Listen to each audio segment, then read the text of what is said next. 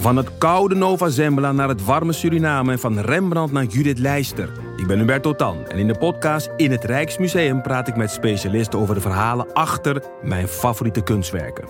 Nieuwsgierig? Beluister nu de nieuwe afleveringen.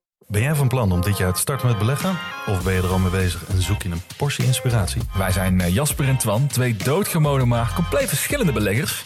En iedere donderdag vertellen wij in onze podcast de lange termijn over onze beleggingsreis, onze lessen en met name onze fouten. En dat allemaal op een eh, vermakelijke en een langdrempelige manier. Alsof je met ons in een kroeg staat. Met een whiskytje erbij. Lekker. Dus luister eens naar onze podcast De Lange Termijn.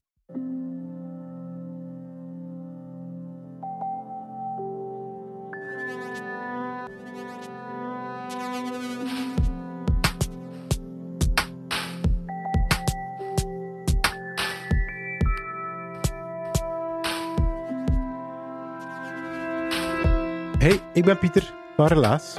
In Relaas krijg je waargebeurde verhalen en die worden verteld door de mensen die ze zelf hebben meegemaakt. Als je aan Kurt vraagt, Kurt, wat doe jij in het dagelijks leven? Dan heeft hij meestal hetzelfde antwoord klaar. Wat hij doet van beroep. Maar tegelijkertijd geeft hij daar een kwinkslag bij en zegt eigenlijk, ik ben helemaal niet mijn beroep, ik ben zoveel meer. Maar je kent dat wel, hè? Wat doe jij in het leven? Als ik jou die vraag stel, dan is dat ja, vaak heel makkelijk om erop te antwoorden wat jouw beroep is, wat je doet in het leven. Maar Kurt die heeft bijvoorbeeld al heel wat andere watertjes doorzwommen, dankzij de plaatsen waar hij komt door zijn beroep. En daar gaat zijn relatie over.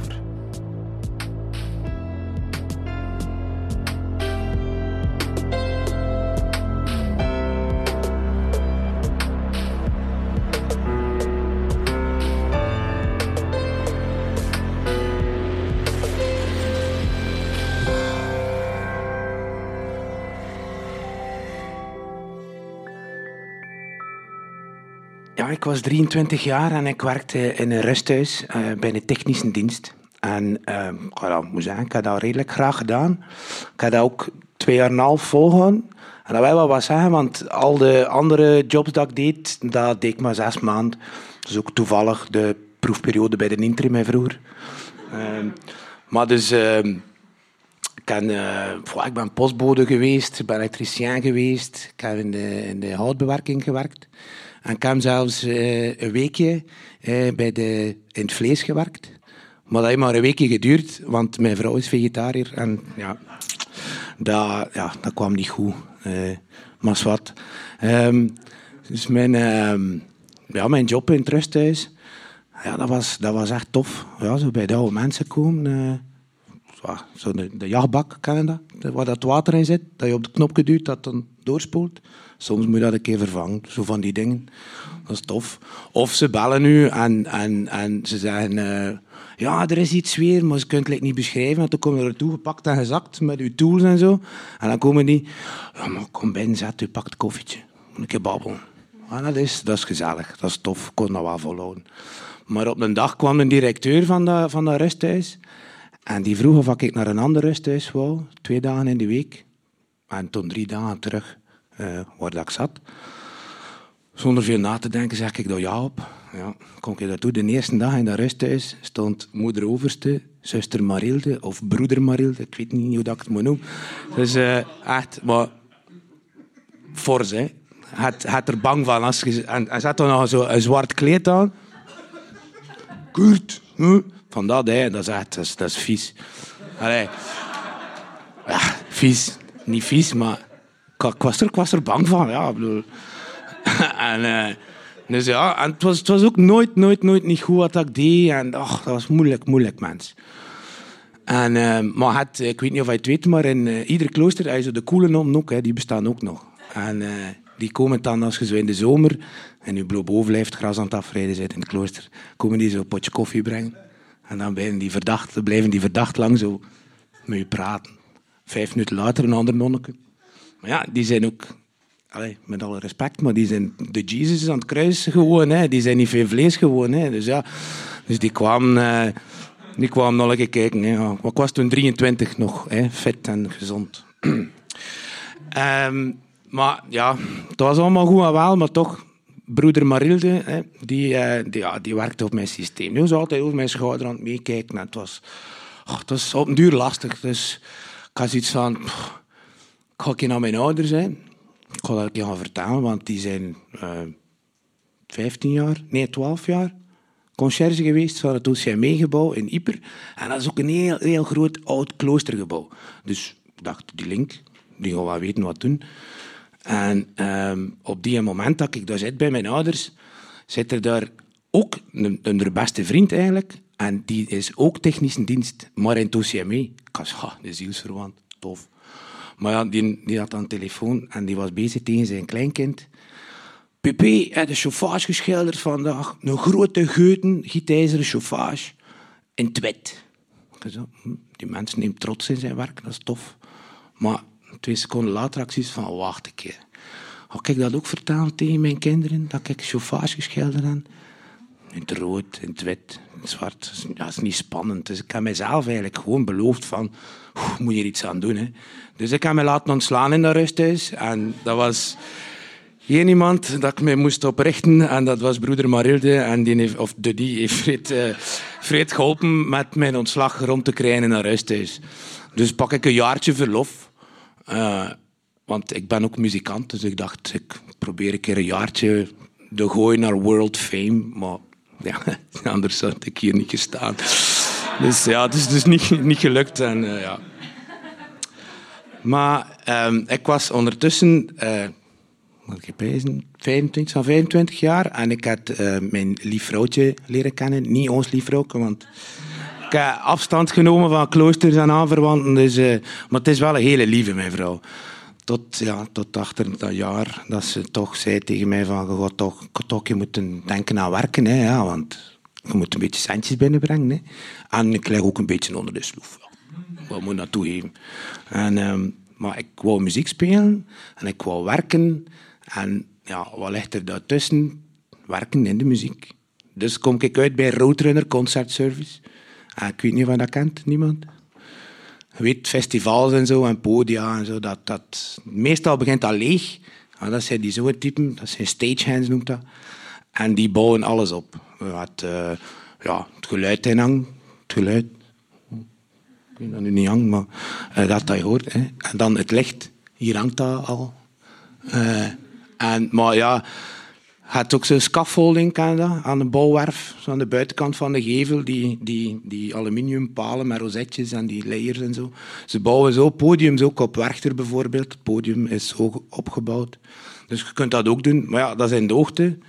Ik kan hoogtevrees, dus dat gaat ook niet echt goed. Dus pff, Clark-chauffeur. Dus ja, Clark-chauffeur, goed, maar ik werk in de muziek. Hè. Dus ja, Clark-chauffeur, voor een beetje te gaan helpen op Werchter, dat opbouwen en zo. Dat duurt een week voor dat podium op te bouwen. En als je chance hebt, dan kun je nog allee, gedurende het festival eh showcrews ook. Dat hoort ook bij de job als stagehand. Dat is ook helpen bij, zo voor Coldplay bijvoorbeeld, al die gele ballonnen. Dat zij duwen, wij ze mogen opblazen. Allee, ja, dat is toch iets.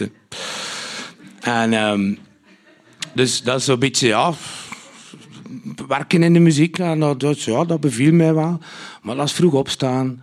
En dat is zo, ja, met vijf man zitten stinken in een auto om zes uur morgens voor naar het festival, het te rijden of naar, het sportpaleis of zo. Ja, dat was toch ook niet dat. Hè. En op een, ja, op een dag van, van een job we ze bijna gedaan met podium bouwen. Hè. De, de PA hangt, het licht hangt, er wordt nog wat geregeld. We staan te kijken en op dat moment komen ze toe. Hè. Al licht gaat aan, de rook gaat aan, strobo's, alles erop en eraan, trompetgeschal. De backliners komen toe. Ha, ik stond daar. Kijk, hier juist een jaar, iedere nacht om vier uur uit mijn bed gekropen. Het was, het was één uur in de namiddag en die man op het podium komen. Maarten, hè. geen ochtendmens zijnde. Ik zei, yes, dat is hetgeen dat ik wil doen. En ehm, ja, zo gezegd, zo gedaan. Hè. Toen heb ik beginnen backlinen. En dat houdt in dat je meegaat met groepen voor de gitaren te stemmen, voor de drums op te stellen, voor de keyboards klaar te zetten, soundchecks te doen. Dus ja, dat is, eh, dat is vond ik dat wel interessant. Ook als muzikant zijnde. Je gaat alle dagen met instrumenten in je handen, dus hoe schoon kun je het? Dat is heel tof. Dus ik dacht van, ja, dat is hetgeen dat ik moet aan. En ehm was dat een jaar, jaar en een half later, bel mijn beste vriend mij van, eh, ze zoeken een drummer bij Vive la Fête. Op Studio Brussel. Zegt hij, doet dat. Dat is goed. Dat is niet moeilijk. Jij kunt dat. Dat was een verdoken complimentje. Maar, nou ja, ik heb een mail gestuurd met een uitleg en al, een fotootje bijgestoken. En dat was goed, mocht ik gaan jam met die man. Maar uiteindelijk, de auditie, ben er weer om. Anders had ik hier niet gestaan. Het is weer niet gelukt. Maar ik had ook in die mail gezet dat ik, backline, allee, dat ik een backliner ben. En dat ik, ging, allee, dat ik op zoek was om met een band op tour te gaan. En voordat ik het ik op een vlieger richting Colombia met Vive La Fête voor hun backline te doen. En vond ik dat wel oh, interessant. Zou ik gewoon misschien baan naar mijn vrouw, maar ja, die pakt nooit niet op. Het is een lieve, maar die pakt nooit niet op. Dus um, ja, ik heb toen maar op die vlieger gestapt. Maar ik ging nooit, nooit, nooit van mijn leven niet meer vliegen. Dat is ook weer een probleem voor uh, hoe dat we dat moesten oplossen. Uh, ik heb ze ooit uh, in, was dat? in het vijfde leerjaar de, grote reis gemaakt van Deuren naar Zaventem in een vlieger. Dat was de hel. Ik kwam thuis achter die dag en zei, ma, ik vlieg dus nooit, nooit, nooit van mijn leven niet meer. Hè. Weet nog, ons lief vrouwtje Veronique, die boekte reis naar Faro. Ik zei, oh, dat zit toch wel twee dagen rijden zeker. Dan zei ze, het toch met de vlieger zijn. Ja, ja, ik heb dat wel gedaan natuurlijk. Hè. Ik zat aan het raam en uh, voordat ik het wist was ik zo vol verwondering aan het kijken door dat raam dat de wereld toch rond is. dus uh, ja, dus ja, wij naar Colombia, daar vijf dagen uh, in Bogota voor één optreden, vijf dagen in dezelfde stad. Dat is wel tof. Dat zijn echt wel uh, toffe jobs. en ehm, enige nadeel was dat ik vijf kilo verdekt ben achter die vijf dagen in Colombia. Dat was de eerste tour, moet ik even pakken. Hè. Maar vijf dagen, vijf dagen aan een stuk Chateaubriand gegeten. Echt, maar lompe vlees, dat komt in één bord. Uw, uw, uw uh, uh, slaatje en sausje wordt ernaast gepresenteerd. Want er is gewoon geen plek meer in dat bord. Dus de max. En uh, ja, dat zijn zo van die ja, culinaire deugden, hoogstandjes. We hadden ook veel culinaire laagstandjes op tour ook. Bijvoorbeeld de keuken van Frankrijk, soms wel een keer teleurstellend. Maar dat is dan op een festival, maar je moet daar niet van wakker liggen. Want het is gewoon, je ziet de wereld al werken, dus kan ik zoiets van, nou, dat is tof, doel geslaagd, ik werk in de muziek. Ja, dat is geestig. En ik ben zo, oh, met, met, met Hoeverphonic, met, met Celassou ben ik weg geweest. Met Zesde Metaal ben ik ook weg geweest. Dat is zo'n beetje rond de kerk. Dat is ook geestig, achter zo toeren. Van, ja, het hebben leuke venues in België. Alleen in Vlaanderen. Dus, uh, in België ook, maar. Maar dus, um, wat dan mijn punt is eigenlijk, ik ga toch niet aan mijn kleinkinderen, wat ik nooit ga hebben, want ik ken geen kinderen. Ah, maar ik heb wel twee petekinderen, nou, dat, maakt, dat maakt het wel goed. Dat ik nooit niet ga moeten vertellen aan hun dat ik chauffage schilder in het wit of in het rood of in het zwart.